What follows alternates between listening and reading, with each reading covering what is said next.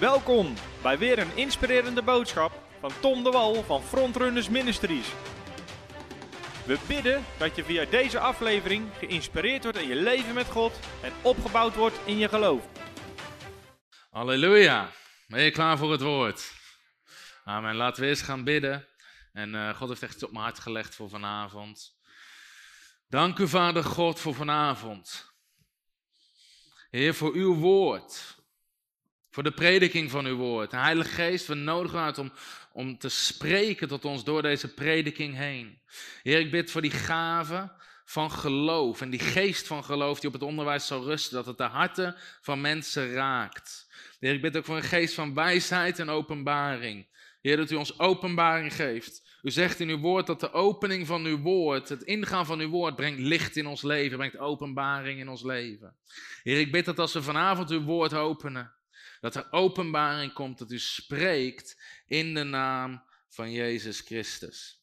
Amen. Amen. Halleluja. Heb je er zin in? Oké, pak je Bijbel erbij. Want uh, het is een, uh, voor de mensen die niet door hadden, het is een christelijke conferentie. en uh, weet je, het is echt belangrijk ook om het woord van God in te gaan, dus dat gaan we ook zeker doen. En uh, God heeft iets op mijn hart gelegd voor vanavond, waarvan ik weet dat het heel veel mensen gaat bemoedigen en gaat zegenen. Onderwijs van gisteren van Gert-Jan was ook ontzettend goed, echt. En het is heel vaak goed om terug te gaan naar die basisdingen. Ik zei gisteren ook al dat wat je leven radicaal verandert, zijn vaak niet de hele ingewikkelde theologische uh, dingen. Ik heb zelf ook nog theologie erbij gestudeerd. Ik heb daar met alle respect heel weinig veranderde levens gezien. Ik zag mensen met een kop vol kennis, maar een leven vol problemen. En ze kwamen geen steek verder met hun kennis. Het gaat ook niet om kennis. Het gaat erom waar, waar, wat geloven we, wat leven wat doet de Heilige Geest in je leven. En, en dus het gaat niet zozeer om kennis, maar het is wel belangrijk, want als het woord van God gepreekt wordt met autoriteit, dan verandert dat je leven. En weet je, dit is de geloofsconferentie, dus we geven heel veel aandacht aan geloof. Ook omdat geloofsonderwijs heeft mijn leven veranderd. Wie kan ook zeggen, onderwijs over wat geloof is en hoe het werkt, heeft mijn leven veranderd. Het trekt je ergens uit het natuurlijke, uit het normale. Nou, daar houden heel veel Nederlanders wel van. Hè? Doe maar normaal, dan doe je al gek genoeg. En neem dingen zoals ze zijn. Maar Gods woord, Jezus zegt nergens, neem dingen zoals ze zijn. Amen. Amen. Weet je, er is niet iemand die bij Jezus zei, Jezus, dat Heer, mijn dochter is ziek. En dat Jezus zei, nou, neem dingen gewoon even zoals ze zijn. Doe gewoon even normaal. Dat zegt Jezus tegen niemand. Dat is wel een advies wat heel veel Nederlanders je zullen geven. Het is zoals het is en het komt zoals het komt, toch? Dat soort uitdrukkingen hebben we weer. Het is zoals het is, het komt zoals het komt, je doet er niks aan. Dat zei Jezus tegen niemand. Jezus zei, heb geloof in God. Heb vertrouwen in God. En geloofsonderwijs heeft mijn leven veranderd. En het bijzondere vind ik aan geloofsonderwijs, ik zal een beetje rond gaan lopen om het wat, uh, wat minder statisch te houden, maar Onderwijs over geloof, wat geloof is en hoe geloof werkt, kan je duizend keer horen in je leven. En iedere keer is het nieuw. Is dat was opgevallen als je onderwijs hoort over wat is geloof, hoe werkt geloof. Uh, ook al hoor ik een nieuw, gewoon een basisspreek over geloof. En iedere keer is het weer nieuw. En dan bouwt het weer. En dat komt ook omdat, weet je, het woord van God is een zaad. En het goede nieuws van het woord van God is, je kan nooit te veel zaaien in je hart. Maar hoe meer je zaait, hoe groter die oogst is, wat daarop gaat komen over het woord van God. Dus geloof blijft altijd nieuw. Je kan altijd groeien in geloof. Daarom schreef Paulus aan de Thessalonicense: Uw geloof groeit buiten gewoon sterk. Is heel simpel zaaien en oogsten. Hoe meer je zaait, hoe meer je oogst. Geldt op ieder gebied van je leven. Hoe meer je kan zaaien, hoe meer je kan oogsten. Ook met geloof en geloofsonderwijs en het woord van God. En Weet je, ik ben gewoon dankbaar voor mensen die dat geloofsonderwijs gebracht hebben. En ik weet, er was een moment, want geloofsonderwijs is niet altijd het meest fijne onderwijs om te horen. Ik zal je uitleggen wat ik daarmee bedoel. Geloofsonderwijs trekt je ergens uit een bepaalde mentaliteit, een bepaalde omstandigheid en richt je in één keer op Gods, op Gods kijk op dingen. Dat is wat geloofsonderwijs doet. Alleen vaak houden we ervan om gewoon te zitten waar we zitten, ergens. Mensen zijn nou eenmaal een soort van gewoontedieren. Weet je, we zitten hier, we doen dit en zo zijn we het gewend. En geloofsonderwijs trekt je ergens uit je comfortzone. Geloofsonderwijs zegt altijd, joh, er is veel meer voor je. Maar geloofsonderwijs is ergens ook confronterend. denk maar aan Petrus, die op een gegeven moment door dat water heen zakte. En weet je, hij deed, hij deed daar een groot wonder voor een paar stappen en op een gegeven moment ging het mis. En Jezus zegt niet, joh Petrus, geef niet, kon je helemaal niks aan doen. Dat is soms wat de mensen tegen je zullen zeggen als er iets gebeurt in je leven. Nee, geef niet, kan je niks aan doen. Nou, Jezus zegt, joh, kleingelovige, waarom heb je getwijfeld? Ik denk niet dat Petrus dacht, oh, halleluja, woord van de Heer, weet je wel, die schrijf ik in mijn profetieboekje. Kleingelovige, waarom hebt u getwijfeld? Maar is wel wat de Heer tegen hem zei. Ergens trok dat hem uit waar hij op dat moment zat en hij wist, er is meer voor mij. Er is meer te halen in mijn leven met God, amen. Dat is wat geloofsonderwijs doet. En ik herinner me ook een tijd, zeker in het begin toen we dit begonnen te prediken, dat heel veel mensen, uh, die wezen ons juist af, zeiden, oh, oh, oh, wacht, dit is te radicaal, dit kan niet, dit kan niet. En ik herinner me op een gegeven moment dat ik zei tegen iemand, en ik ervoer het echt vanuit de geest van God, weet je, we zitten in de tijd dat mensen ons afwijzen voor het onderwijs van geloof, maar de tijd komt dat mensen ons zullen uitnodigen voor het onderwijs van geloof. Want mensen die dit onderwijs pakken, hun leven verandert. En daarom ook, ik hoop dat frontrunners, dat dat geen bediening is, maar dat het een beweging is. Dat pakt nog niet iedereen. Ik hoop dat frontrunners geen bediening is, maar dat het een beweging wordt. Dat niet mensen denken aan frontrunners, dat ze denken aan Tom de Wal. Maar dat met frontrunners, dat we duizenden frontrunners krijgen in Nederland. Mensen die zeggen, ik ga voor het koninkrijk van God. Ik ga ontvangen wat God voor mijn leven heeft. Ik neem niet genoegen met minder. Ik ga voor het koninkrijk van God en ik ga alles ontvangen. Weet je, dat is frontrunnen zijn, dat is voor iedereen.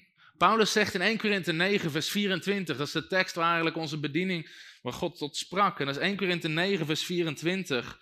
Daar zegt Paulus dit. Weet u niet dat zij die in de racebaan lopen of in de renbaan lopen, alle wel lopen, maar dat slechts één de prijs ontvangt? Er is er één die uiteindelijk wint. Iemand wel eens de Olympische Spelen gezien? Drie mensen, de rest zit echt maar aan te kijken van Olympische Spelen. Is ook lang geleden inmiddels alweer, maar in ieder geval. Al die gasten zijn aan het rennen, maar er is maar één die de prijs wint. In ieder geval de echte prijs. Die goud wint. Dan zegt Paulus, kijk daarnaar. En dan zegt hij, geeft hij deze instructie. Loop dan om de prijs te winnen. Loop om die prijs te winnen. In andere woorden, geef alles in je leven met God. Ga er helemaal voor. Hij zegt, dat, dat is de houding die Paulus ergens probeert aan te sporen in, in, de, in de wandel van de gelovigen. Hij zegt niet veel, zit je tijd maar uit. we hebben er in Nederland een liedje over. Stil maar, wacht maar, alles wordt nieuw. Stil maar, wacht maar, alles wordt nieuw. Zei Paulus niet tegen de Korinthe. Hij zei niet, joh, stil maar, wacht maar, alles wordt nieuw. Ik in je kleine hoekje, wij in ons kleine hoekje, we allemaal in ons kleine hoekje, stil maar, wacht maar. Paulus zegt, nee, nee, nee, nee, nee. Kijk eens naar die gasten die rennen, Olympische Spelen. Dat is wat je gaat doen. Je blijft niet in je hoekje zitten, je sprint eruit en je gaat ervoor. Amen. Eén iemand zegt wauw, dat zijn mooie reacties. Wauw. Iedereen zegt wauw. Wauw.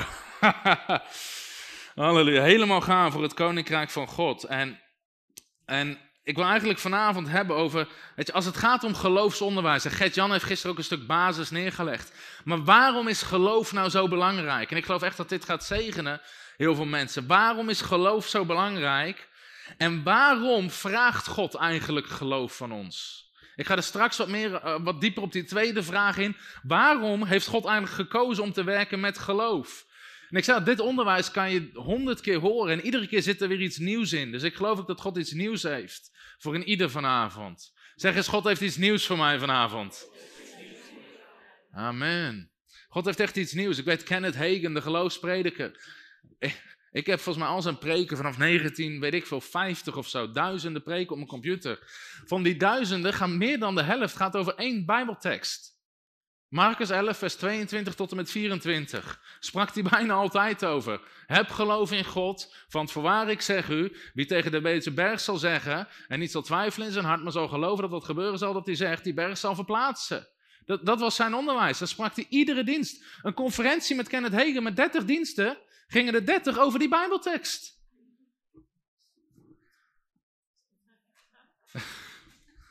En dan vroegen mensen, meneer, wanneer gaat u door naar de volgende tekst? Zegt hij, als je deze begrijpt, zei hij. En dan begon hij weer zijn volgende dienst. Ga met me mee naar Marcus hoofdstuk 11, vers 23. Hij had een heel leven nodig om dat er bij mensen in te krijgen. De boodschap, als jij geloof hebt in je hart, kan je spreken met je mond. En iedere berg op, weg zal, op je weg zal verdwijnen. Hij had een heel leven nodig om dat door te krijgen bij de gelovigen. Maar goed, hij heeft een gigantisch resultaat behaald. Weet je, maar door de jaren heen ben ik ben ik beter gaan begrijpen van wat is nou geloof. In mijn leven werkte het, maar ik ben het beter gaan begrijpen. Hoe krijg je het? Hoe werkt het? Waarom vraagt God het van ons? En heel veel van die vragen zijn essentieel om te beantwoorden. En ik weet niet wie, dat is meer, meer een, uh, gewoon een seculier boek, maar kent iemand Simon Sinek? Die, uh, een paar mensen kennen hem, een soort leiderschapsgoeroe. Hij heeft dat boek geschreven, Start with the Why. Zegt dat mensen iets? Begin met het waarom. Eigenlijk wat hij zegt is met alles wat je doet, heel veel mensen weten wat ze doen of hoe ze het doen. Maar hij zegt er is een laag dieper en dat is waarom. Dat is de waarom-vraag. En als die waarom-vraag goed zit, dan komt de rest ook wel. Dus hij zegt, maar dat gaat meer gewoon over seculiere dingen. Hij zegt, de beste bedrijven, die weten niet wat ze doen, maar waarom ze het doen. En die waarom-vraag is altijd een hele belangrijke in je leven. dus je kan bijvoorbeeld, we kunnen het op een bedrijf toepassen. Iemand kan zeggen, nou, wat heb je? Ik, ik heb een kledingwinkel. Hoe doe je dat nou? Gewoon, ik verkoop kleding. Maar waarom doe je dat? En hij zegt, die waarom die erachter ligt, dat is wat mensen proeven. Dat is de passie, dat is de liefde. En dat is wat mensen proeven of niet proeven. En dat is het belangrijkste wat erin zit. En ik denk, soms is het goed om na te denken over die waarom-vraag, ook in de kerk. als mensen vragen, ga, je naar de, je bent christen, ga naar de kerk. Oh, nou, wat doen jullie? Dan zouden mensen kunnen zeggen, nou, op zondag gaan we naar de dienst. Oh, hoe doe je dat dan? Nou, we gaan erheen en dan spreekt er iemand en we zingen. Maar dan vraagt iemand, waarom? Waarom doen jullie dat zo als kerk? Is dat de beste methode die jullie verzonnen hebben om de wereld te bereiken? Amen of auw? Auw. In ieder geval die waarom-vraag. Weet je, waarom? Wat, wat, zit, wat is eigenlijk de diepste reden erachter? En ook met geloof is de waarom-vraag ontzettend belangrijk. Dus vanavond wil ik die van twee kanten eigenlijk aanhalen. Waarom vraagt God geloof van ons? En waarom hebben we geloof nodig? En dat gaat ook een beetje op wat doet geloof. En dat wil ik eerst, in ons wil ik eerst duidelijk neerzetten. En aan de ene kant is dit een stuk fundament, maar dit is zo essentieel. En iedere keer zit hier echt iets nieuws in. Je mag even meegaan naar Efeze hoofdstuk 2. Ik wil zeven redenen aanhalen waarom geloof belangrijk is. En daarna ga ik aanhalen waarom God geloof van ons vraagt. En we gaan echt diep het woord van God in. Weet je, dat is waar God uiteindelijk tot, door spreekt. Efeze 2, vers 8. Als je hem gevonden hebt, roep je prijs de Heer. Als je hem niet gevonden hebt, roep je wacht even. Prijs de Heer. Als je geen Bijbel bij hebt, dan roep je: Ik heb geen Bijbel bij. Iedereen heeft een iPhone tegenwoordig. Ergens, ik hou gewoon van om zelf te lezen, ik hou gewoon van papier. Het moet knisperen, je moet erin kunnen schrijven, je moet erin kunnen markeren. Ben ik de enige die dat heeft? Ja, meer mensen. Het is gewoon lekker om papier iets echt in je handen te hebben. Efeze 2, vers 8. Want uit genade bent u zalig geworden of gered, maar dan staat er, door wat? Door het geloof. En dat niet uit u, het is de gave van God. Nou, het eerste wat geloof doet, is we worden gered door geloof. Nou, mensen zeggen, ja, maar dat is heel basis. Dat klopt, maar het is wel het belangrijkste. Het allereerste wat geloof doet, waarom is geloof belangrijk? Geloof is je start van je wandel met God. Je wordt gered door het geloof. En jouw redding, dus je wordt wedergeboren, en, en, aan de ene kant is dit basis, toch is altijd goed om te zeggen. Redding gaat er niet over van ik ga later naar de hemel toe. Dat is heel lang hoe mensen hebben gedacht. Van ik word gered, prijs de Heer, nu is het wachten tot mijn leven klaar is en dan ga ik naar de hemel toe. Nee, nee, nee, dat is niet waar redding, dat is niet waar redding om gaat. Redding betekent, je bent hier nog lekker midden op de aarde, maar je zonden zijn vergeven. Je bent gerechtvaardigd, je bent wedergeboren, jouw geest is levend geworden. Je bent gevuld met de geest van God en je bent hier al het koninkrijk binnengegaan. Hier al. In Matthäus hoofdstuk 17, of Lucas hoofdstuk 17, dan vragen de, de, de farisees vragen, waar is het koninkrijk? Jezus zegt heel duidelijk, zeg niet zie hier of zie daar. Hij zegt, het koninkrijk zit waar? Binnenin u. Het koninkrijk van God zit in je. Jij bent nu al in het koninkrijk. En als je sterft, daarom zegt Jezus, wie in mij gelooft, zal niet sterven. Een christen sterft niet, die verhuist. Amen. Een christen verhuist. Je gaat gewoon verder in datzelfde koninkrijk, maar dan boven in de hemel. Maar dat koninkrijk woont nu al binnenin jou. Je bent nu al in het koninkrijk. Jezus zegt in Johannes 3, als je wedergeboren wordt, dan ben je in het koninkrijk binnengegaan. Dus hier op aarde, je bent al in het koninkrijk van God. Man, dat is nieuws. In Afrika staan ze op hun stoelen te dansen dan. Halleluja. maar goed, we zijn in Afrika. Maar hoe worden we gered? Hoe? Hoe? Door geloof. Door geloof. God werkt met geloof. En die redding is een basis voor de rest van je christenleven. Nou, je zal zeggen, dit klinkt heel basis, maar toch is dat niet zo. Want mensen, als je beseft, dit is het model om het zo maar te zeggen. Dit is je start. Dat is ook belangrijk. in sommige kerken denken nou, je doet er heel lang over en dan word je uiteindelijk gered en dan ben je er. Maar redding is niet het einde, redding is het begin. Jezus zegt, je wordt wedergeboren. Dat, je bent een baby, dan ben je gered. Maar dan begint het pas. Een baby begint, is nog niet klaar. Dan begint het pas. Jezus zegt, ik ben de deur. Ken je die tekst Johannes 10? Je, gebruikt Jezus, je wordt gered, je bent de deur en dan ben je in het koninkrijk. En daar begint het pas. Je hebt pas één stap gezet in het koninkrijk. Sommige mensen blijven een hele leven lang één stap in het koninkrijk. Kan je zingen op zondag, kan je preken luisteren, maar daardoor kom je niet verder in het koninkrijk van God. Het koninkrijk ga je ontdekken, daar ga je in wandelen, je gaat gebruik maken wat God je heeft gegeven. En die redding is een model, maar hoe worden we gered? Door geloof. Nou, dat is waar God mee werkt. Word je gered op basis van nood? Nee. Toch denken heel veel mensen denken dat God ergens werkt met nood. Dus ook mensen in diensten vertellen hoe groot hun probleem is. Hoe groot hun nood is. Hoe lang ze het al hebben. En dan denk ze, als ik mijn verhaal maar zielig en erg genoeg is, nou dan gaat God wat doen. En eigenlijk snapt ze niet eens dit basisprincipe van geloof, of, of van redding. Wacht eens, ik werd helemaal niet gered door nood. Weet je, de meest verschrikkelijke zondaar wordt nog niet automatisch gered, toch? Gaat Gods hart uit naar diegene? Ja. Maar wat heeft diegene nodig? Geloof. En dat is iets wat we moeten begrijpen. Jezus zei tegen niemand, voorwaar, voorwaar. Zo'n grote nood heb ik nog niet in Israël gezien. Jongen, jongen, wat een probleem. Nou ga ik wat doen. En jij zegt voorwaar, voorwaar zo'n geloof. God werkt in de basis met geloof. Niet op basis van nood. God werkt ook niet op basis van hoop. Ik hoop het, ik hoop het. Nee, hij werkt met geloof. En geloof is ik weet het. Geloof is ik weet het.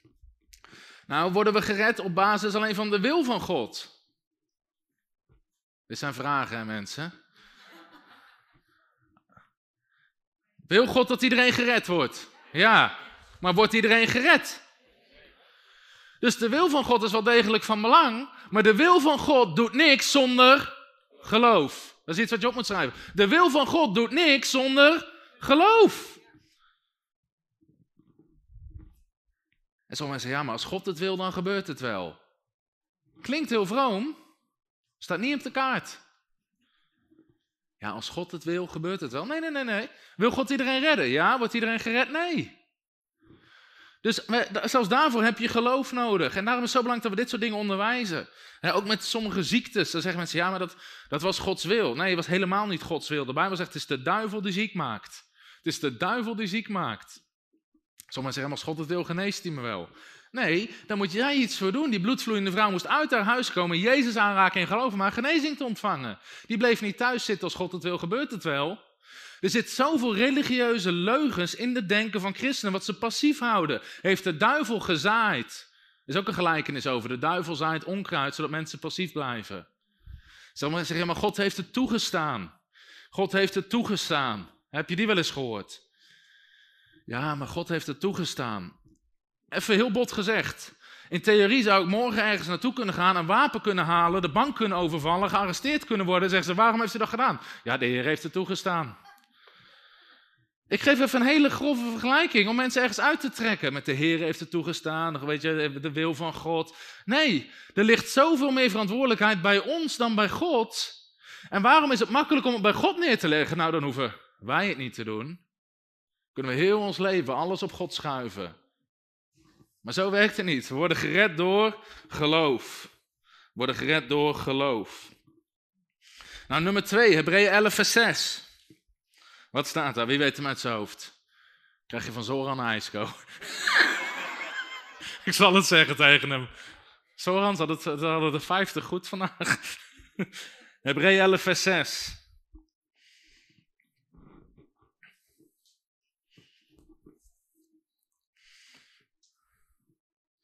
Deze teksten kan je honderd keer lezen en iedere keer. Het woord van God is levend en krachtig. Hebreeën hoofdstuk 11, vers 6. Als je hem gevonden hebt, roep je prijs de Heer. Als je hem niet gevonden hebt, roep je wacht even. Iedereen heeft hem. Hebreeën 11, vers 6. Zonder geloof is het moeilijk om God te wagen. Onmogelijk. Zonder geloof is het echter onmogelijk om God te behagen. Want wie tot God komt. Staat er God komt naar ons? In onze nood? Met zijn wil? Nee. Wie gaat er naar God toe? Wij. Waarmee? Met geloof. Wie tot God komt, moet geloven. Dat hij is, maar het is nog niet afgelopen. En dat hij beloont wie hem zoeken. God beloont wie naar hem toe komen met geloof. Dus de tweede reden waarom geloof zo belangrijk is, zonder geloof is het onmogelijk om God te behagen. Onmogelijk. En daarom, je onze, onze missie, onze droom, mijn verlangen is dat is een generatie opricht in Nederland die volledig voor God gaat. Een generatie voor Gods koninkrijk gaat. Maar een van de basisdingen die we ze moeten leren is geloof. Is geloof, dat mensen God geloven. Zeggen, heer, wat u zegt is waar, ik ga het doen, ik ga ervoor. Dat is geloof. En heel eerlijk gezegd, waar ik klaar mee ben in Nederland, gruwelijk klaar, is ongeloof. Ik heb er echt een rottekel aan. Dank jullie wel voor je enthousiasme. Sommigen zijn helemaal in shock. denk ik, jongen, waar ben ik nou terechtgekomen? Weet je, ik ben klaar met ongeloof. De opdracht in de Bijbel is zo duidelijk. Heb geloof in God. Heb geloof als je naar hem toe gaat. Het is onmogelijk. En hele volkstammen zitten in ongeloof. Want je hoeft maar iets uit het woord van God te lezen. Ze, nou, weet ik niet hoor. Weet ik niet. Nee, moeilijk, lastig. Je hoeft gewoon een tekst voor te lezen. En dit is het interessante, we hebben allemaal dezelfde Bijbel. Maar de vraag is, hoeveel geloof je ervan? Hoeveel geloof je ervan? Dit verhaal heb ik al vaak verteld, maar zo'n schitterend verhaal over een, ook waar wij in Albanië waren, waar ik over vertelde. Hadden ze zo weinig geld dat ze scheurden Bijbels uit elkaar. En dan kreeg iedereen een bladzijde, want ze hadden maar één Bijbel met een hele gemeenschap. Er was een man in Afrika, die kwam tot geloof.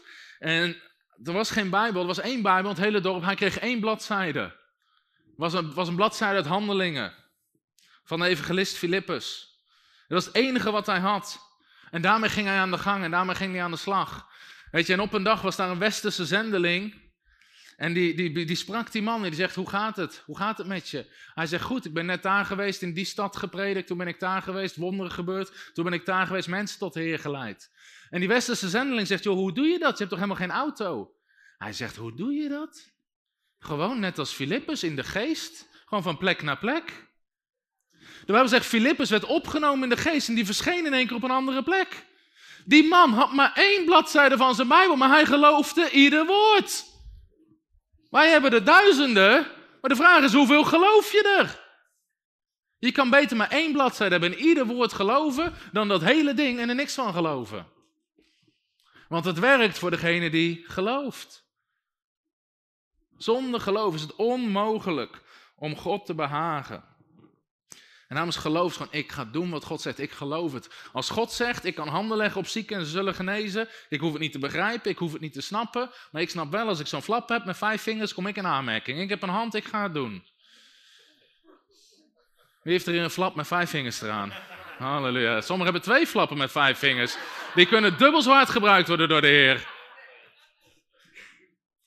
Weet je, wij Nederlanders, wij denken dat ons, ons, ons verstand dat dat een zegen is. En aan de ene kant in de medische wetenschap is het een ontzettende zegen wat we hebben kunnen bedenken met onze knappe koppen. Maar het kan ook een enorme vloek zijn.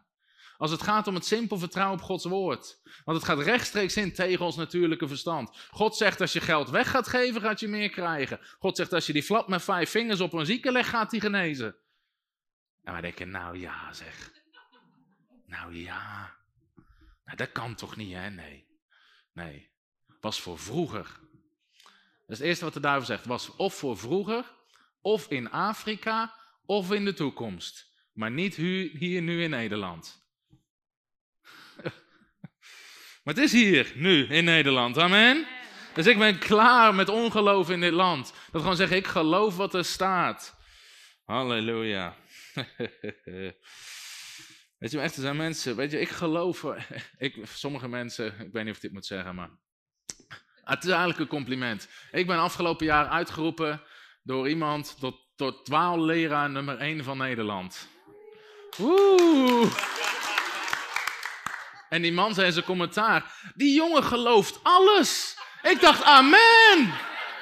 Halleluja. Hij zegt: Hij gelooft dat God spreekt. Hij gelooft dat we zieken kunnen genezen. Hij gelooft dat we demonen uit kunnen drijven. Ik dacht: Dat ben ik. Ik geloof dat God spreekt. Ik geloof dat we zieken kunnen genezen. Ik geloof dat we demonen uit kunnen drijven. Amen. Halleluja. Ik dacht, wat gelooft hij wel?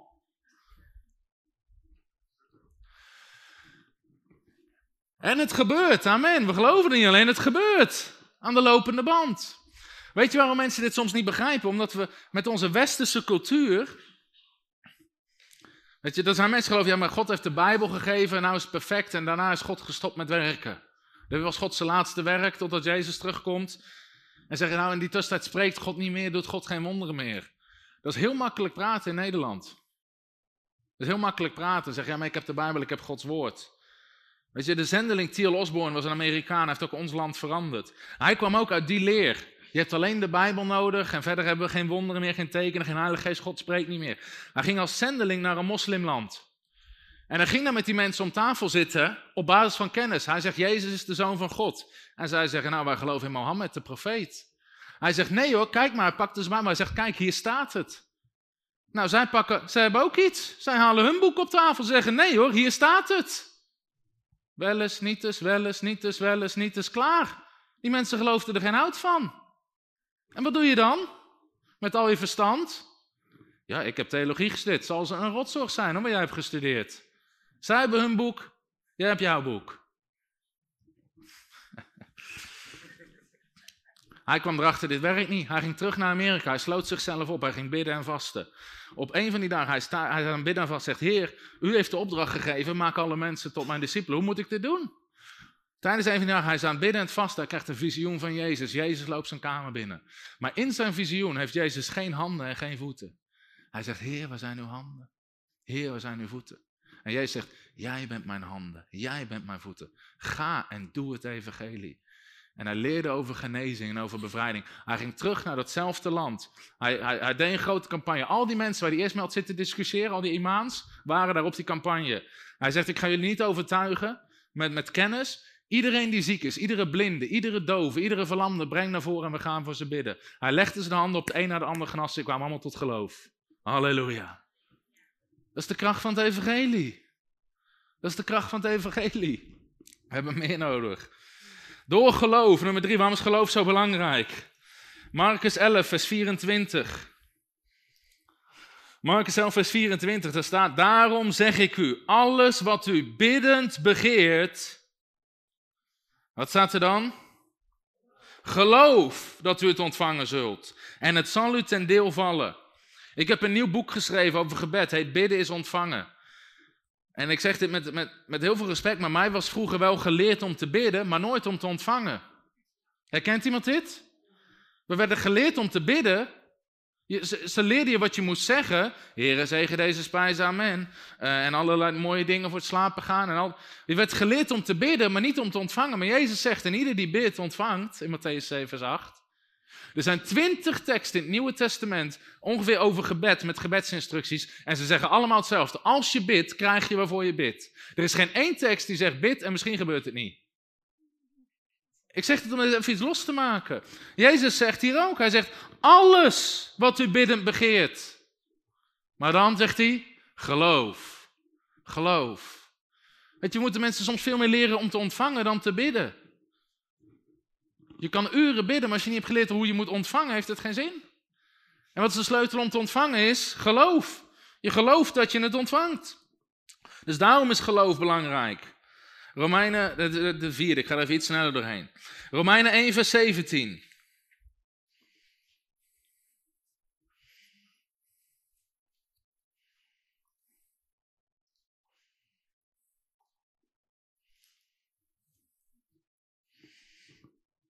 Romeinen 1, vers 17. Er zijn meerdere teksten in het Nieuwe Testament die dit zeggen. Daar staat dit. Want de gerechtigheid van God wordt daarin geopenbaard uit geloof tot geloof. Dus we ontvangen Gods gerechtigheid uit geloof en het werkt in geloof. Zoals geschreven is, de rechtvaardige zal uit het geloof, en Anton zegt door het geloof leven. Zal door het geloof leven. 2 Korinthe 5 vers 7 is nog zo'n kerntekst. Je mag even doorbladeren. We gaan zorgen dat niemand kan zeggen, nou we hebben wat weinig uit de Bijbel gelezen. Hadden we kunnen verwachten, hij is tenslotte een dwaalleraar. 2 Korinthe 5 vers 7. Jezus zegt verheug u als de mensen slecht over u spreken. Amen. Hij zegt verheug je. Zo, heeft, zo hebben ze altijd met de profeten gedaan. 2 Korinthe 5 vers 7. Wij wandelen door wat? Door geloof en niet door aanschouwen, door onze zintuigen. Jezus zegt, mijn volk gaat wandelen, gaat leven uit geloof. Jouw hele leven, wat jij doet, moet gebaseerd zijn op wat je gelooft. Dus 2 Korinthe 5 vers 7, wandelen niet langer door onze zintuigen, door ons aanschouwen.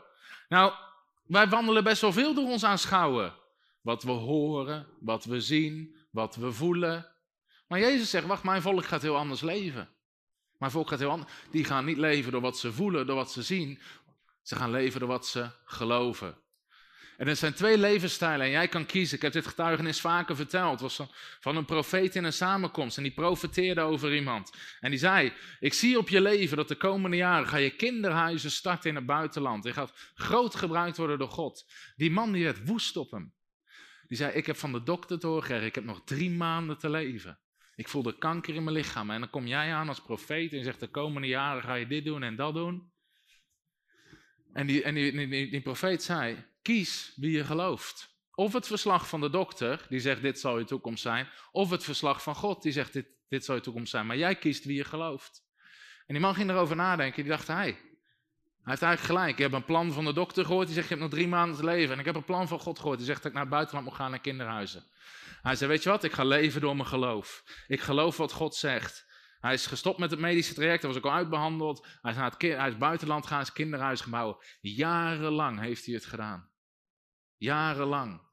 Hij ontving gewoon volledige genezing. Omdat hij besloot, ik wandel niet door wat ik zie, door wat ik voel, door wat ik hoor, door wat de artsen zeggen. Ik ga wandelen door wat ik geloof en door wat God zegt. De rechtvaardige wandelt door geloof. Dus ik zei al, het koninkrijk van God, Jezus is de deur. Maar daarna sta je in dat koninkrijk en begin je in geloof te wandelen en te functioneren. En ga je dat koninkrijk ontdekken. De rechtvaardige zal leven uit het geloof. Nou, wat is het laatste wat jij hebt gedaan uit geloof?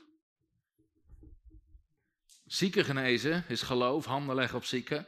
Demonen uitdrijven is geloof. Een zaad zaaien wat jij niet kan betalen is geloof. Je kan van alles doen uit geloof. Maar het hoort een levensstijl te zijn. Ik denk dat ik daar zondagavond verder over ga spreken. 1 Johannes 5 vers 4. Dat was nummer 4, de rechtvaardige leeftijd geloof. 1 Johannes 5 vers 4. Als je gevonden hebt, dan roep je prijs de Heer.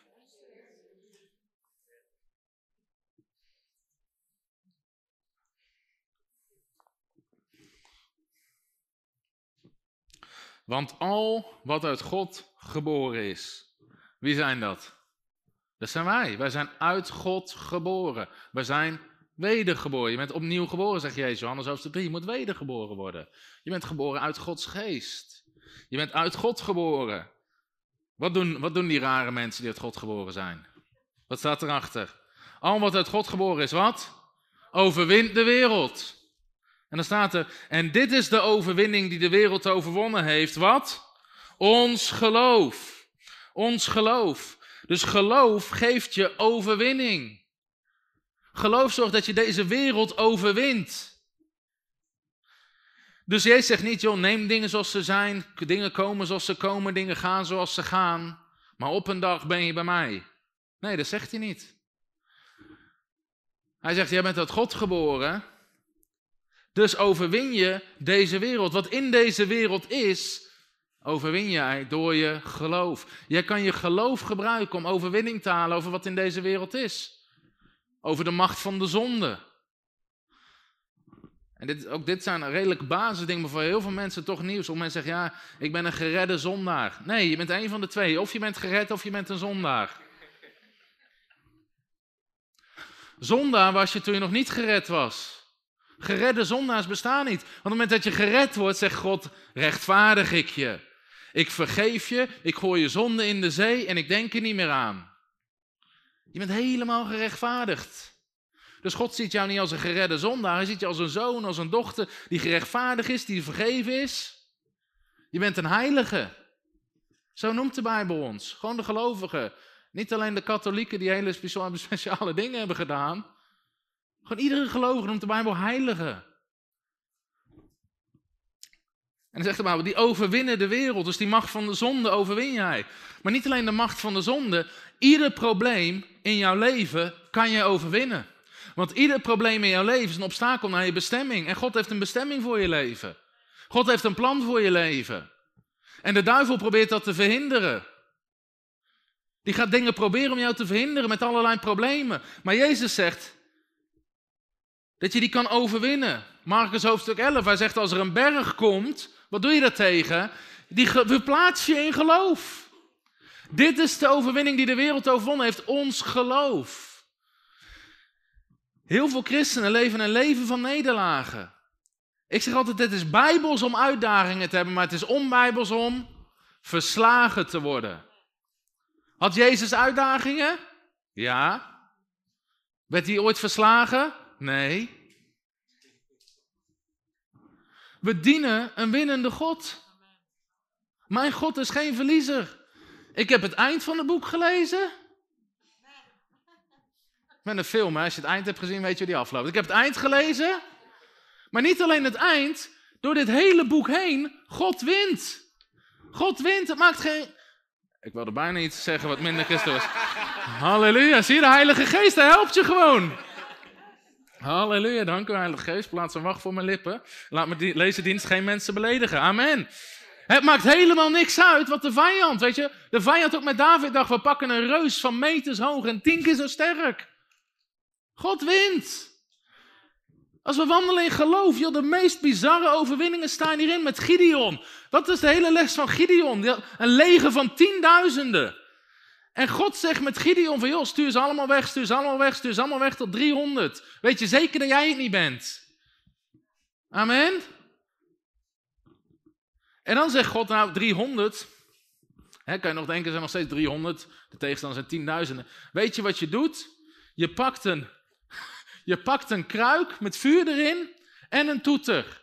En dan ga je s'nachts, als ik met 300 s'nachts een leger van 10.000, zou ik stiekem. Weet je, zou proberen heel stil al heel wat van die soldaten te pakken. God zegt, nee, ga boven op de berg staan. Dan toet hij je eerst keihard dat ze allemaal wakker worden. En dan sla je de kruik kapot, zodat ze ook zien waar je zit. Ik heb integrale veiligheid gestudeerd en oorlogstactieken, die zat er niet tussen.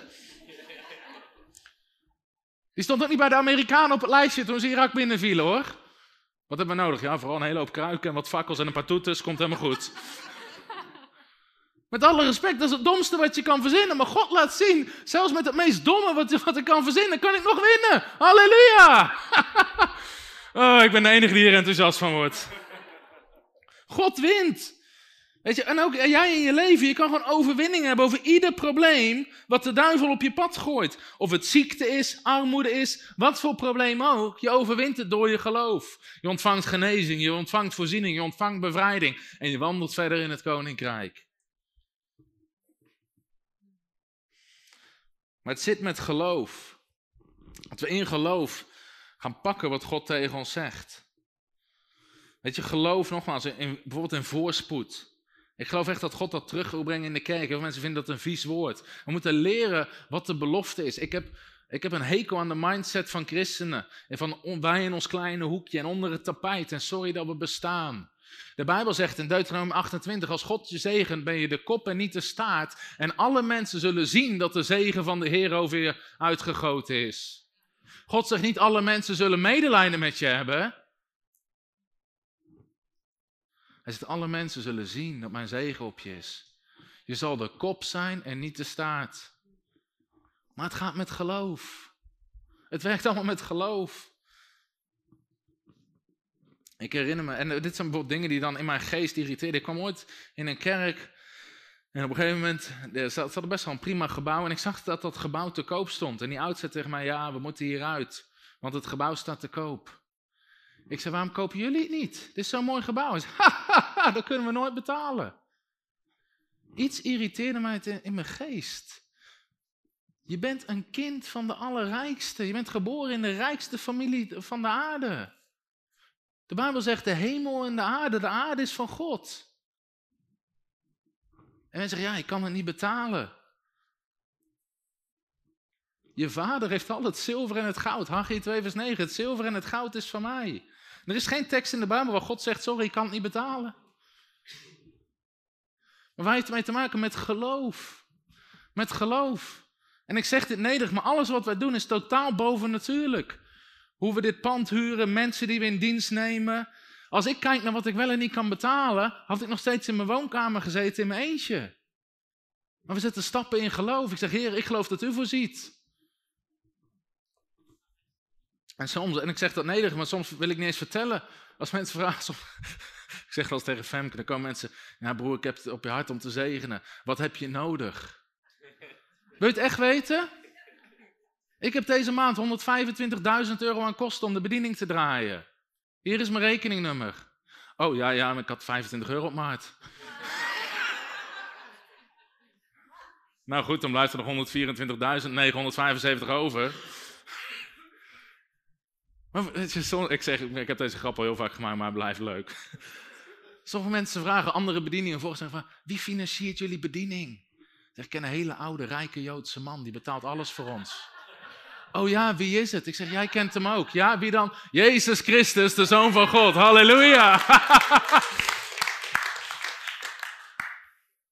het zilver en het goud is van mij. Maar het begint met geloof. God heeft nooit aan mij gevraagd, Tom, kan je het betalen? Of lijkt het je een goed idee? God vindt het juist me leuk als het voor de andere mensen geen goed idee is. Halleluja. Weet je, maar echt waar, voor wie, weet je, dus eh, ik in mijn kleine hoek, voor wie denk je dat God deze aarde bedoeld heeft? Voor zijn kinderen toch? Waar komt dat idee vandaan van ontsnappen uit deze wereld? God heeft de aarde gemaakt, hij zit Adam en Eva erop. Hij wandelde met ze, met ieder mens wandelde. Hij wil omgaan met zijn kinderen. Hij heeft de, duivel, hij heeft de aarde niet gemaakt voor de duivel en zijn troep. Hij heeft het gemaakt voor zijn kinderen. Jezus zegt nog specifiek in Johannes 17: Heer, ik bid dat u ze niet wegneemt van deze wereld. En de christenen bidden: Heer, neem ons weg, neem ons weg. Jezus zegt: Nee, dit is de plek om te schijnen, dit is de plek om te zijn, dit is de plek om te getuigen. Dit is een plek waar mensen, in de hemel zijn we allemaal gezegend. Maar hier, hier kunnen we juist getuigen van God. Halleluja, I preach myself on fire. Woo! Geloof geeft ons overwinning. Denk aan de mensen die met God wandelden. Was Mozes een verliezer? Nee. Was Jozua een verliezer? Nee. Abraham? Nee. David? Nee. Jezus? Nee. Elke keer is er overwinning, maar het werkt altijd met geloof. Iedere keer als mensen een probleem hadden, begon Jezus over geloof. Heer, Lazarus is overgeleven, over overleden. Als je geloof hebt, zal je de heerlijkheid van God zien. Mijn dochter is overleden. Vrees niet, geloof alleen. Jezus begon altijd over geloof. Altijd over geloof. We halen onze overwinningen daardoor. Nummer 6. Geloof brengt je in je beloofde land. Dat is Hebreeën 3, vers 19. Dat spreekt over het volk van God. God had een beloofd land voor ze. God zei: Ik heb je dit land gegeven. Voor God was het al zo klaar als een klontje. Maar ze konden het niet geloven. Ze zeiden de reuzen zijn te sterk, de muren zijn te groot. En dan staat er in Hebreeën 3 vers 19. Zij, kunnen, konden niet ingaan. Waardoor niet? Vanwege hun ongeloof. Vanwege hun ongeloof. Dus God heeft een beloofd land voor je, maar het werkt in geloof. En het werkt anders met aanschouwen. Onze natuurlijke zintuigen. Kijk, dit is menselijk geloof. Menselijk geloof is op je zintuigen. Dus we zien een stoel en je ziet, nou, dat ding is wel sterk, heeft vier poten. Als ik hierop ga zitten, dan doet hij het. Dan val ik niet op de grond. Dat is menselijk geloof. Maar Gods soort geloof is niet dat je eerst ziet of weet of het werkt. God zegt, je moet het gewoon doen. En dan pas ga je zien dat het werkt. Weet je, Gods soort geloof, eigenlijk kan je het vergelijken met een trap. God zegt, ik wil dat je eerst een stap zet maar je weet helemaal niet waar die trap heen gaat. Je weet niet waar die uitkomt. En God zegt toch, zet die stap maar. Zet die stap maar. En dat is de manier waarop God je leert wandelen in geloof. En wij Nederlanders willen eigenlijk heel die trap analyseren. Waar komt die uit? Kan die me dragen? Wat gaat er gebeuren? Maar God zegt gewoon, hé, je stapt in geloof. Dus God heeft een beloofd land voor je, maar het werkt met geloof. Zonder dat je weet wat er gaat gebeuren. Toen ik jeugdleider was en ik zat op HBO, op een gegeven moment, en een van mijn studiegenoten van het HBO zit hier. Halleluja. Echt schitterend. Op een gegeven moment, ik uh, vroeg God van me om te stoppen met werken, met bijbaantjes, omdat ik zoveel tijd kwijt was met jeugdleider zijn. Nou, natuurlijk denk je, maar waar ga ik dan mijn geld van? Weet je, waar ga ik dan mijn dingen van betalen? En dit en dat. En God zegt, nee, stop maar gewoon. En begin maar te wandelen in geloof. Dat is hoe ik geloof heb geleerd. Ik moest gewoon bidden, heer, ik heb drie, drie broeken nodig en twee t-shirts. En zo heb ik geloof geleerd en het kwam altijd. Weet je, en daar leer je het in het kleine. Op een gegeven moment, toen gingen we na mijn HBO ging trouwen en God riep me rechtstreeks de voltijdbediening bediening in. Hij zegt, ja, waar ga, je, weet je, waar ga je je vrouw van onderhouden? Waar ga je gezin van onderhouden? Waar ga je je huur van betalen? Dat willen we Nederlanders weten. Maar waarom zeg je, geloof is een zekerheid. Je weet alleen op wie je vertrouwt. Probeer eens met één oog omhoog te kijken, met één oog naar beneden. Lukt de meeste niet, hè? Je kan niet naar God kijken en naar mensen. Je kan niet naar God kijken en naar natuurlijke omstandigheden. Geloof kijkt alleen naar God. Weet je, we hebben zulke gekke stappen gezet in geloven dat God het zei. God sprak over dit pand. Volgens mij had ik het er van de week nog over, over met Nel. God sprak over dit pand. En God zei, Tom, dit is je gebouw. Nou, we waren eigenlijk, we waren pas anderhalf jaar bezig met de bediening. We hadden helemaal, we hadden niet eens het geld. We hadden voor dit pand meer geld nodig dan in de anderhalf jaar daarvoor totaal ooit binnen was gekomen. En God zei, dat is je gebouw.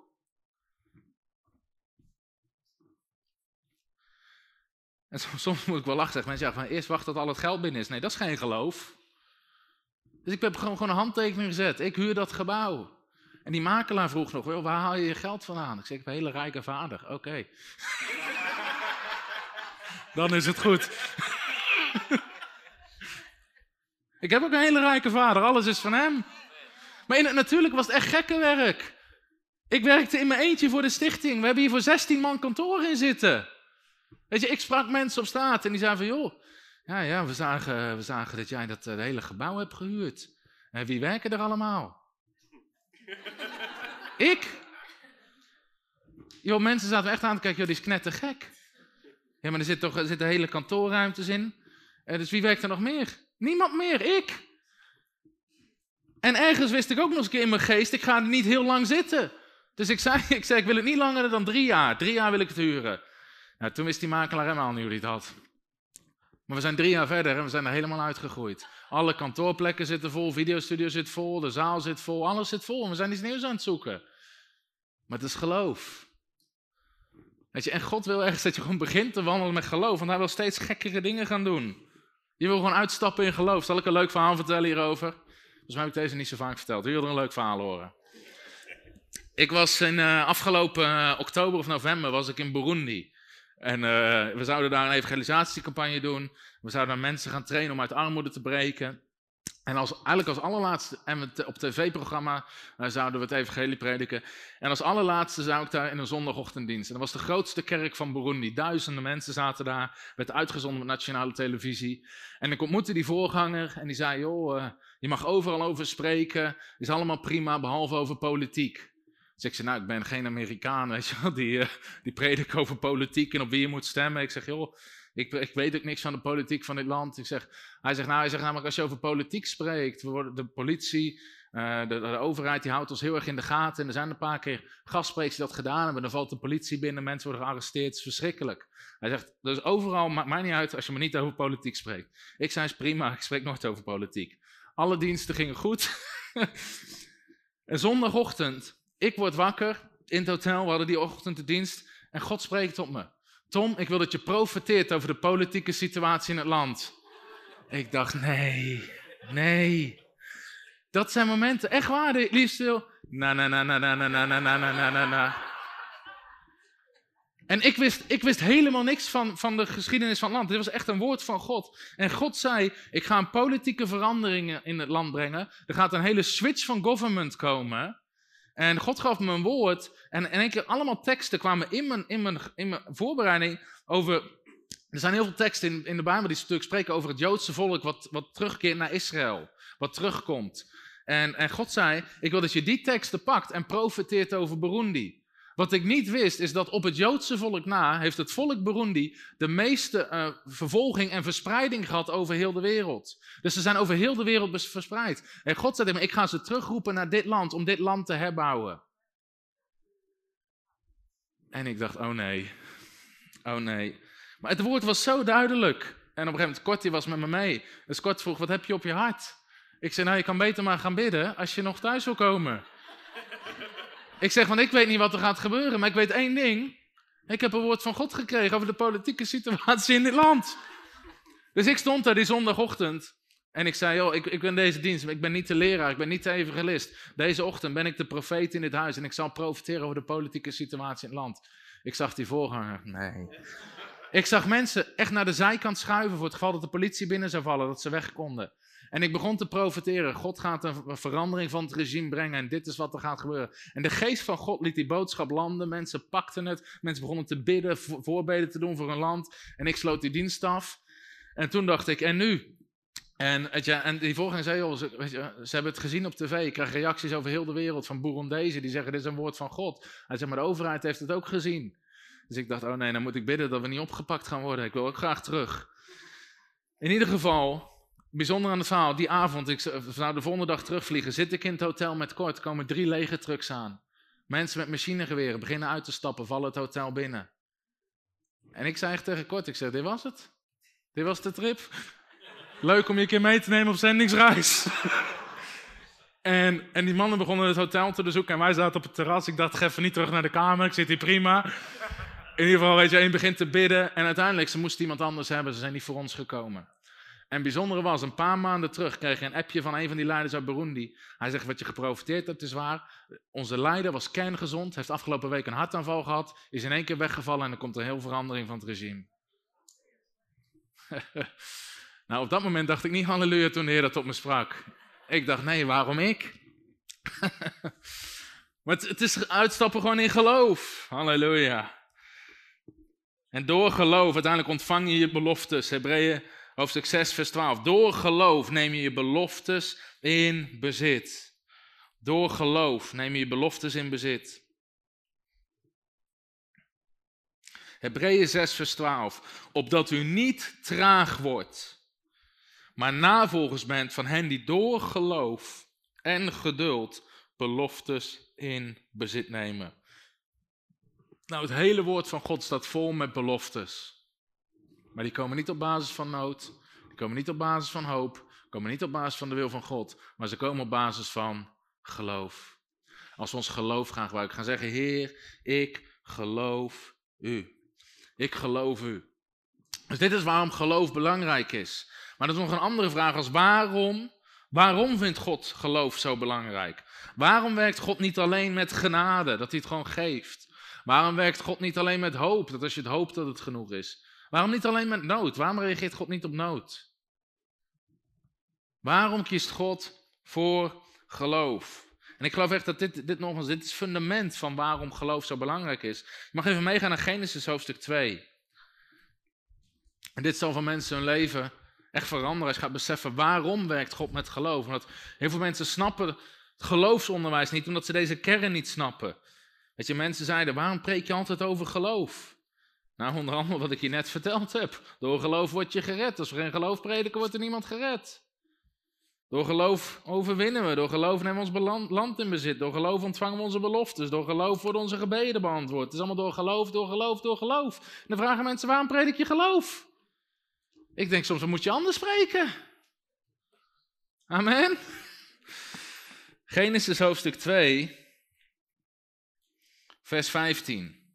We gaan even helemaal terug naar Genesis. En dit gaat terug over de vraag: waarom vindt God geloof zo belangrijk? Genesis 2, vers 15. Dit is een basistekst. En er staat: De Heere God nam de mens, zet hem in de Hof van Eden om die te uh, bewerken en te eh, onderhouden. En de Heer gebood de mens, van alle bomen in de hof mag u vrij eten, maar van de boom van kennis en goed en kwaad ervan mag u niet eten. Want op de dag dat u dat doet, zal u zeker sterven. Dus God plaatst de mens in de hof. En hij geeft ze één opdracht mee, hij geeft ze één vraag mee. Maar waarom plaatste God de mens op de aarde, überhaupt? Waarom? Om relatie mee te hebben, toch?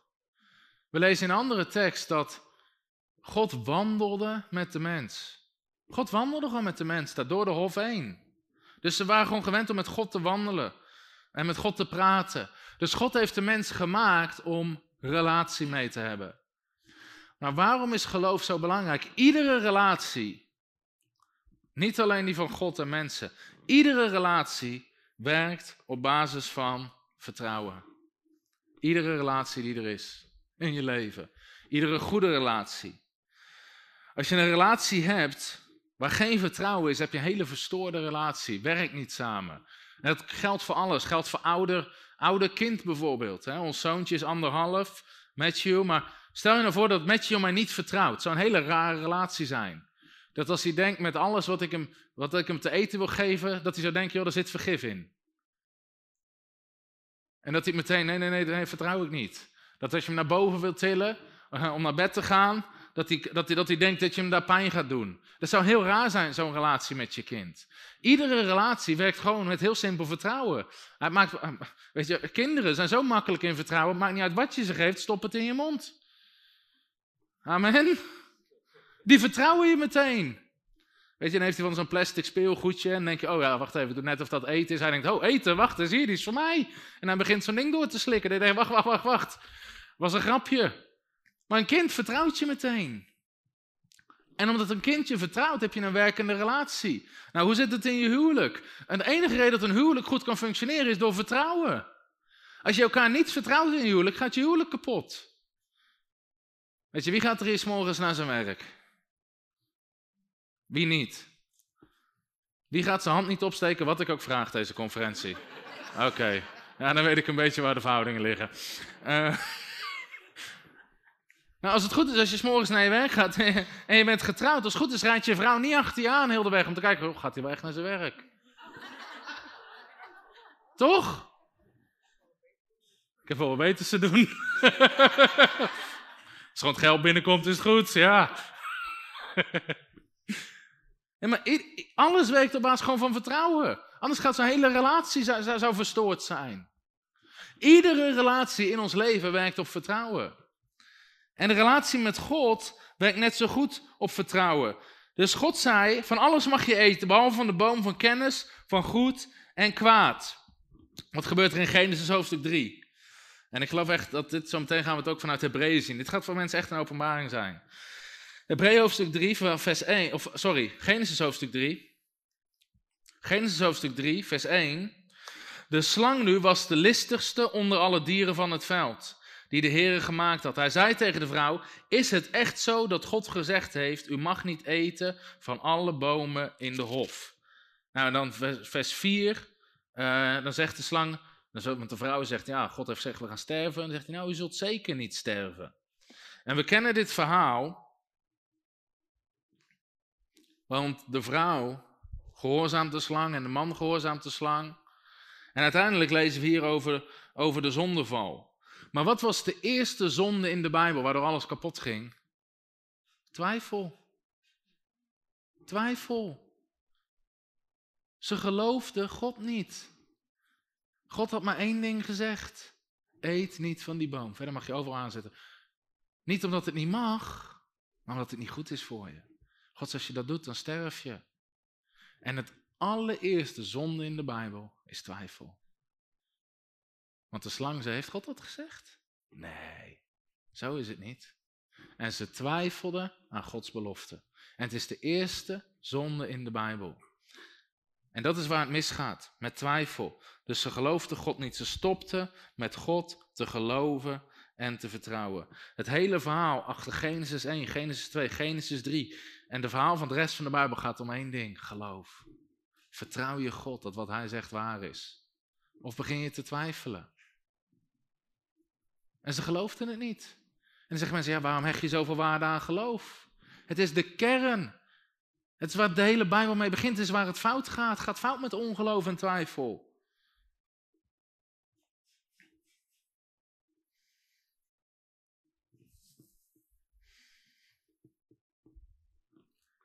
En daarom geloof ik dat het belangrijk is dat we teruggaan naar dat punt. Dat we gewoon zeggen, hé, ik ga God geloven. Wat God ook zegt. Zonder wat allemaal mensen redenen, verzinnen, dit, dat, zus, zo. Weet je, nogmaals, ik, ik, ik heb zelf theologie gestudeerd. En wat ik daar tegenkwam, soms was heel weinig geloof, was heel veel ongeloof. Ik heb die voorbeelden al vaker aangehaald. Weet je, als Jezus zegt in Marcus hoofdstuk 11, dat je bergen kan verplaatsen, dan werd die tekst voorgelezen. En zeiden, ja, nee, zo bedoelt hij het niet. Twijfel. Ze twijfelen gewoon aan wat God zegt. Als je vraagt waarom, ja, dit is beeldspraak, dit is een gedicht. Echt waar, zo wordt het uitgelegd. Nou, Jezus zei niet, hier volgt een mooi gedicht over een bergje in de zee. Jezus zegt, voorwaar, voorwaar, ik zeg u. Hij, sterk nog, hij zegt, ik wil dat je extra goed oplet wat ik je nu ga zeggen. Hij zegt niet, voorwaar, voorwaar, hier komt een gedicht. Echt waar, de meest domme dingen ben ik daar tegengekomen. Op een gegeven moment kwam het boek Exodus over de plagen in Egypte. En dan zei ja, ja, ja, wonderen, ja, wonderen. Nee, we geloven niet zo in wonderen. Oh, en hoe kwam, kwamen dan die plagen? Nou ja, de grond die was heel erg rood ja, rondom Egypte, dus dat ging in de Nijl. Toen leek het net op bloed, kwamen alle kikkers eruit. Toen waren de kikkers daar, die sterven. Daar kwamen de sprinkhanen op af en de steekvliegen, want dat stonk zo. Ze hadden een hele natuurlijke verklaring over al die plagen. Ja, en uiteindelijk, weet je, het volk kwam bij de Rode Zee. En uh, ja, nee, nee, nee, nou, de zee was niet echt gespleten. De zee die was maar zo diep, ze konden er zo doorheen lopen. Ik heb de rest van het verhaal gelezen. God verdrinkt een heel volk Egyptenaar in een zee die zo diep is. Dat is pas een wonder. Mag je me dat uitleggen? Maar verklaren, nadenken, twijfel, twijfel, twijfel. Het is de kern achter, achter de hele Bijbel. Wie zijn de eerste mensen, niet in de Bijbel spreken, die na Genesis 3 naar voren komen in de Bijbelverhaal. Kain en Abel. Wisten meer mensen dat stiekem? Ja, zie je wel, heel goed. Kain en Abel. Nou, waar gaat het hele verhaal van Kain en Abel over? Geloof en ongeloof. Kom, we gaan het lezen. Genesis 4. Ik beloof je, dit is goed. Genesis 4, vers 2. En zij baarden opnieuw zijn broer Abel. Abel werd herder van klein vee en Kain werd bewerker van de aardbodem. Het gebeurde, onderstreep in je Bijbel, na verloop van dagen, of op je iPhone. Na verloop van dagen dat Kain van de opbrengst van de aardbodem aan de Heer een offer bracht. Ook Abel bracht een offer van de eerstgeborene. Van zijn kleinvee en van hun vet. De Heer nu slag acht op het, uh, sloeg acht op Abel en zijn offer, maar op Kain en op zijn offer sloeg hij geen acht. Toen ontstak Kain een grote woede en liet zijn hoofd zakken. Nou, waar gaat dit verhaal over? Geloof en ongeloof. En ik ga het je laten zien. Nou, nou gaan we naar Hebreeën hoofdstuk 11. Want Hebreeën hoofdstuk 11 is het geloofshoofdstuk uit de Bijbel. Hebreeën 11 vat eigenlijk het Oude Testament samen. Maar met maar één focus, het laat de kern zien. Geloof. Wie zijn de eerste mensen die in, die in Hebreeën hoofdstuk 11 genoemd worden? Wie weet het?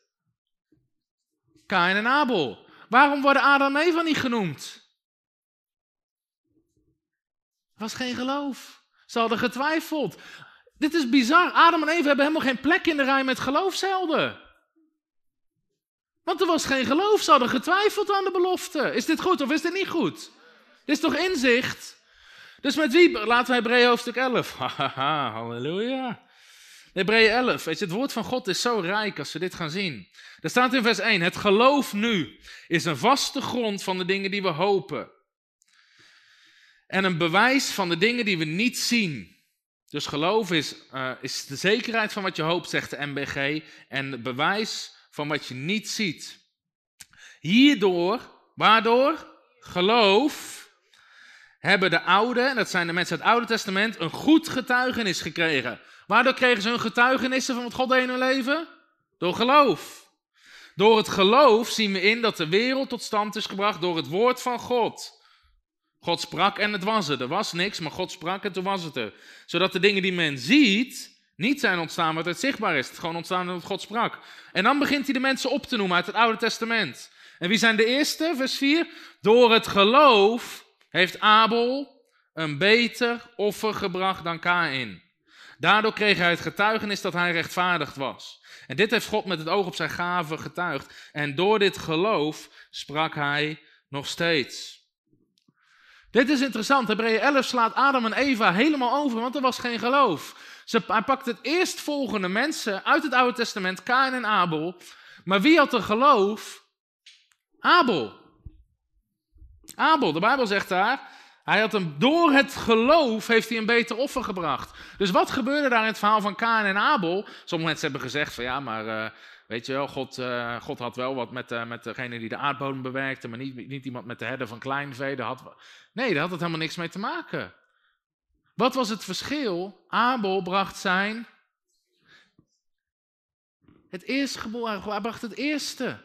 Dus voordat hij wist wat er verder nog ging komen, zei de Heer: Ik vertrouw op u, dit geef ik terug aan u. Maar wat deed Kain? Na verloop van dagen. Dus die ging eerst wachten tot alles binnen was. En dan ging die kijken van nou, heb ik dan genoeg in, eh, in onze maatschappij zou zeggen voor de rest van de maand? Ja, dan kan er ook wel een offer naar de Heer. En wat deed God met zijn offer? Wat zegt de Bijbel? Sloeg er geen acht op. Heb je dat gelezen net? Dat is interessant. In de Nederlandse Evangelische Kerk zeggen ze altijd: God is blij met elk offer. Ja, moet je Kain proberen te vertellen. Amen of au? Nederlands zegt, maakt niet uit wat je geeft. Moet je Kain proberen te vertellen. Het maakt niet uit wat je geeft. Man, waar heb je dat vandaan? Het maakt niet uit. Het maakt wel degelijk uit wat je geeft. Maar Abel gaf door zijn geloof. Door zijn geloof. Abel vertrouwde erop dat God zou zorgen zonder dat er in het natuurlijke enige zekerheid of aanleiding was. Dus wat is het eerste wat God laat zien in Genesis hoofdstuk 4 en op eh, basis van Hebreeën hoofdstuk 11? Ik werk nog steeds met geloof. Ik werk nog steeds met geloof. We gaan verder, Hebreeën hoofdstuk 11 vers 5. Wie is de volgende persoon die genoemd wordt in Genesis? Na Kaan en Abel. Henoch. Henoch wandelde in geloof. Door het geloof werd Henoch weggenomen, opdat hij de dood niet zou zien. Hij werd niet gevonden omdat God hem weggenomen had. Dus Henoch verdween op een gewoon van de aarde, want hij, hij behaagde God, zegt de Bijbel. Nou, wat behaagde God nou zo in dat hart van Henoch? Zijn geloof. Henoch geloofde God gewoon, hij wandelde totaal in geloof. En God zag zoveel geloof in het hart van Henoch, dat God dacht, wauw, die gast wil ik al veel eerder bij me hebben, kom hier naar boven. Dat is wat de Bijbel zegt. Hij behaagde God door zijn geloof. En dan zegt vers 6: Zonder geloof is het onmogelijk om God te behagen. Want wie tot God komt, moet geloven dat hij is en dat hij beloont wie hem zoeken. Wie komt er na nog? Noach. Wat was het verhaal van Noach? Iedereen was aan het zondigen. Waarom staat Noach in de lijst met geloofshelden? Omdat God zegt tegen hem: Je moet een ark bouwen, want er gaat een zondvloed komen. Het had tot op dat moment nog nooit geregend. De Bijbel zegt dat de aardbodem, de, de, de, gewoon het vocht bevochtigde de aardbodem. Het had nog nooit geregend. Er was natuurlijk geen enkele aanleiding dat er een gigantische storm zou komen waardoor iedereen zou verdrinken. En dan spreekt God tot hem en God zegt, Noach, bouw een ark. Als God zegt dat je een ark moet bouwen, moet je nooit een kano bouwen. Amen. Ik ben blij dat Noach geen Nederlander was, die heel klein dacht. Die dacht van nou, kanootje is toch ook wel goed, hè? Als God iets tegen je zegt, ik sprak ooit een man van God en die zei één ding tegen mij. If you do something big for God, do it big. Halleluja. Als je iets groots doet voor God, dan doe je het groot. Amen. God zit niet in de kleine plannen. Die krijg je gewoon gratis bij. Maar er was natuurlijk geen enkele aanleiding. En hoe lang bouwde Noach aan zijn ark? 120 jaar. Geen enkele aanleiding dat het zou gaan regenen. Wat denk je dat zijn buren hebben gezegd? Heb je die vent van hiernaast gezien? Koek, koek. Die denkt dat gaat wat, regen, wat? Ja, dat er water gaat komen uit de hemel. oh, die is gek. Dat hebben ze gezegd over Noach. Niet een jaar, niet twee jaar, niet tien jaar, niet vijftig jaar, niet hond 120 jaar werd hij belachelijk gemaakt. En Noach maar bouwen, en bouwen, en bouwen, en bouwen. En hij luisterde naar niemand. Hoeveel mensen denken, denk je dat hem vanaf hebben proberen te praten? Die begint zei, joh, Noach, het is leuk geweest. Doe maar normaal. Hè? Kwam even naar Nederlander, was geëmigreerd. Doe maar normaal, doe je gek genoeg. 120, hij ging gewoon door. Waarom? Dan moet je opletten wat de Bijbel zegt. Kom op, wie wil er zijn als een Noach? Als God een opdracht geeft aan je, dan doe je het. En dan doe je het. En dan doe je het. Het maakt niet uit wat alle Nederlanders tegen je zeggen. Halleluja. Ik ben blij dat Noach niet in Nederland woonde. Sowieso niet. Met alle ambtenarij hier, weet je, er meteen. Heb jij een vergunning om een ark te bouwen? Als God je een opdracht geeft, moet je het gewoon doen. Maar in Nederland komt er meteen, heb jij een vergunning om een ark te bouwen? Heb je een vergunning om een scheepswerf te hebben? En hoe zit het met de Arbowet? Olifanten? Heb jij een vergunning om dieren te... Veehouderij? Nee.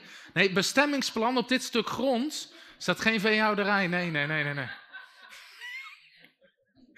Ja, halleluja. Oh mijn god, wat...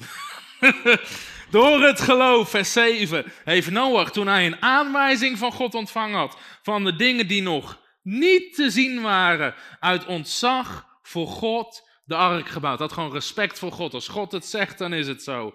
Tot redding van zijn gezin. Daardoor heeft hij de wereld veroordeeld en is hij een erfgenaam geworden van de rechtvaardigheid die overeenkomstig het geloof is. Nou, wie komt er naar Noach? Abraham. Waarom staat Abraham in de lijst met geloofshelden? Hij geloofde God. Op een dag spreekt God tot Abraham en zegt: Abraham, verlaat je huis, verlaat je gezin, verlaat alles. Ik ga je een machtig volk maken. Hij kon geen kinderen krijgen. Zijn vrouw kon niet zwanger worden. Maar God gaf hem een belofte. En Abraham geloofde. Abraham geloofde. En zo kan je de hele lijst afgaan. Abraham, Isaac, Jacob. Ze wandelden allemaal in geloof. Jozef in geloof. De hele lijst gaat door met mensen uit het Oude Testament die allemaal wandelden in geloof.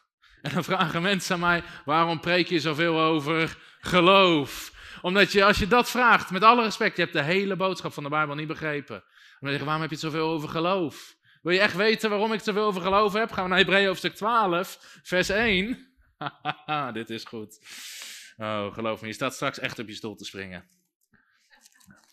Heer, ik bid dat iedereen een Afrikaan wordt in deze zaal. Yes, hoor ik iemand, halleluja. Omdat het heeft in Hebreeën hoofdstuk 11. Wacht, we gaan nog heel even naar Hebreeën hoofdstuk 11 hoor. Kom mensen, we hebben de duivel waar we willen. halleluja. Vers 17 zegt, door het geloof heeft Abraham. Zie je dat? Dan staat er, vers 18, door het geloof uh, tegen hem gezegd dat van Isaac. En dan staat er in vers 20, door het geloof heeft Isaac. Vers 21, door het geloof heeft Jacob. En er staan allemaal dingen die ze in zijn geloof, in geloof deden. Door het geloof heeft Jozef. Door het geloof heeft Mozes. En dat staat vers, vers 23. Dit hoofdstuk moet je lezen. Iedere persoon die genoemd wordt, moet je aanstrepen. Kijken, wat deden ze? Hoe deden ze het? Want ze staan in de Hall of Fame van geloof. Ik geloof in Hollywood hebben ze een Hall of Fame, hè? Weet je, met al die, wat staan erin? Handafdruk of voetafdruk of zo, wat staat erin? Met die namen. Ken je die, met al die bekende artiesten? Wie kent dat ding wel? Wie weet een beetje hoe het zit? Er staan toch namen in of zo, hè, van al die grote artiesten? Nou, de hemel heeft geen hall of fame, de hemel heeft een hall of faith. Amen. En daar staan namen in. Daar staat Abel in, daar staat Abraham in, daar staat Noach in, daar staat Isaac in, daar staat Mozes in. Halleluja. En, en dan zelfs op een gegeven moment wordt er gesproken over een raagap in geloof. Dan vers 32.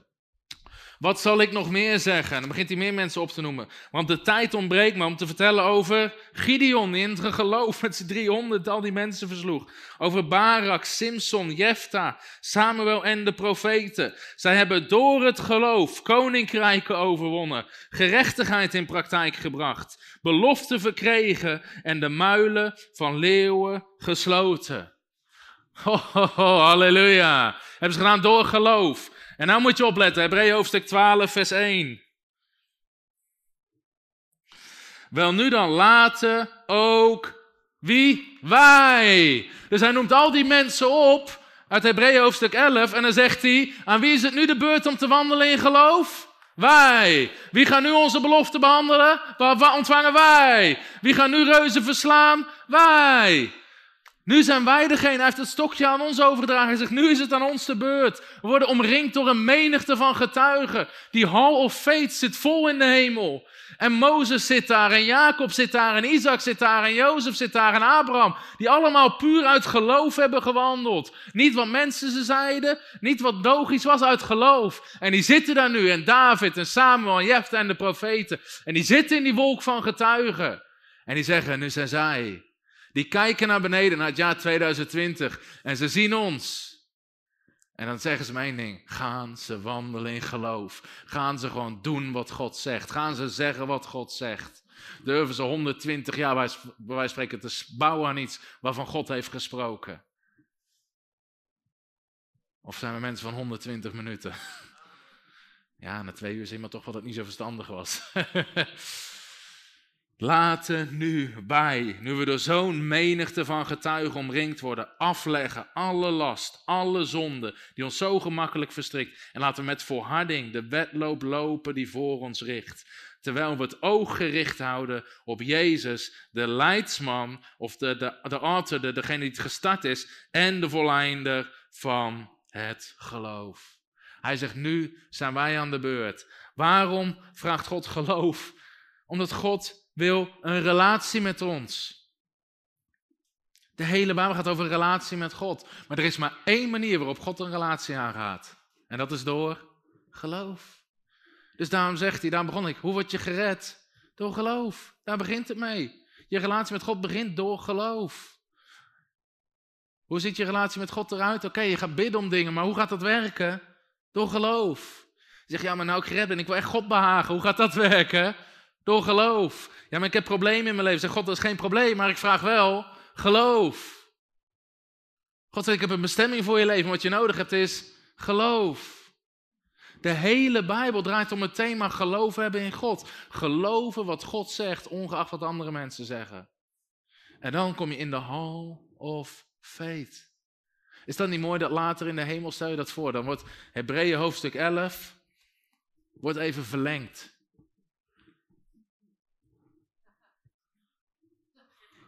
Ja, dan zegt God, wacht, dit is geschreven, ik weet niet wat er ongeveer was, 40, 50 na Christus. Maar er zijn, daarna zijn er nog wat anderen geweest die de race gerend hebben. En nu gaan we het langer schrijven. En dan zegt hij, oh, ik ben vergeten om te vertellen over Gerko en Arianne, die door het geloof demonen uitdreven, zieken genezen en mensen bij de Heer brachten. Ik ben vergeten om te vertellen over Arjan en Marion, die door hun geloof een bedrijf bouwden en het koninkrijk van God financierden. Ik ben vergeten om te vertellen dat door het geloof de mensen waren die waarschijnlijk panden kochten voor het koninkrijk, die kerken bouwden. Door het geloof. Op dit moment wordt er in de hemel een hall of faith geschreven. En God zegt, ja hoor, hij gaat het doen in geloof. hij gaat dat pand huren, lachen. Geloof. Ja joh, hij gaat het echt profiteren over die overheid. Geloof. Ja, hij gaat die flap met vijf vingers op een zieke leggen. Geloof. Ja, hij ziet dat het een demon is die iemand lastig valt. En let op, hij gaat in Jezus' naam. Hij heeft geloof. Het is geloof wat God behaagt. Dat God net zo naar ons kijkt. Dat hij kijkt naar heen en zegt, oh, moet je ze zien. Ze geloven het. Ze doen het. Dat als er een nood is in je leven, dan zegt, wacht, God zegt dat we moeten zaaien. En dat God zegt, ja, ja, hier kan ik mee werken. God werkt niet met dit. Dat denken we in Nederland. Nee, God werkt met dit. Geloof zit in je hart. Met het hart gelooft men, zegt Romeinen 10. God is op zoek naar harten vol geloof. En door geloof, en dit is een verhaal wat ik nu gewoon in mijn geest heb. En ik geloof dat iemand gaat zegenen. Het was een Amerikaanse zakenman.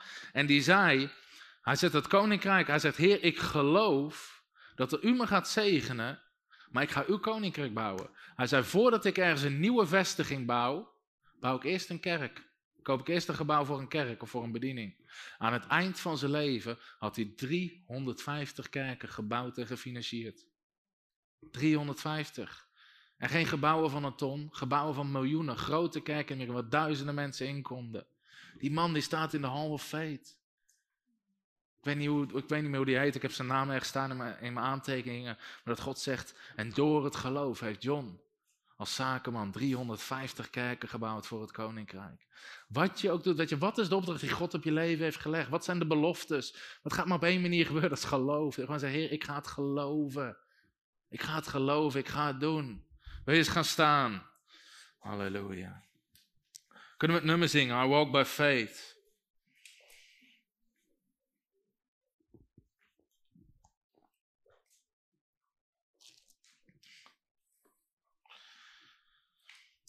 Weet je, ik had nog veel meer in mijn aantekeningen staan, nog veel dieper over verbond en hoe dat werkt. Maar ik denk dat dit is zo de kern.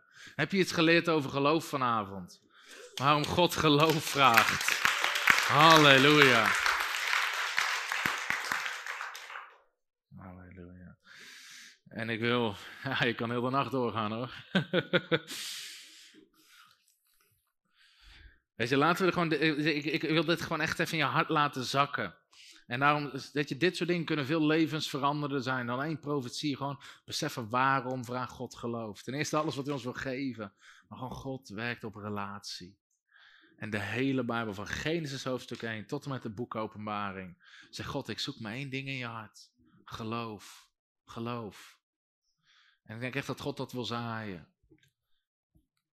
En, en als je hiermee bezig gaat, gaat best wel een uitdaging zijn. Want Nederlandse zeggen, ja, maar wat dan, hoe is het met wijsheid? Je moet wel wijsheid hebben. Hè, zeggen Nederlanders dan. Nou, Jezus zei tegen niemand, die kwam, heer, mijn dochter is ziek. Oh, veel wijsheid, zus. Gods wijsheid is heel anders. Heer, er zijn hier 5000, alleen de mannen, 15.000 mensen die moeten voeden. Heb je al gebeden om wijsheid? Nee, gewoon geloof. Geloof is waar God mee werkt. Laten we zingen, I walk by faith. Hallo, Tom de Wol hier en bedankt dat je weer geluisterd hebt naar onze podcast. Ik bid dat het je geloof gebouwd heeft en je bemoedigd bent.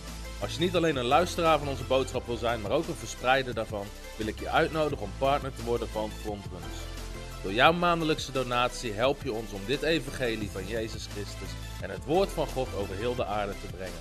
Om partner te worden, ga naar www.frontrunnersministries.nl slash partners en word partner. Hartelijk bedankt en tot snel.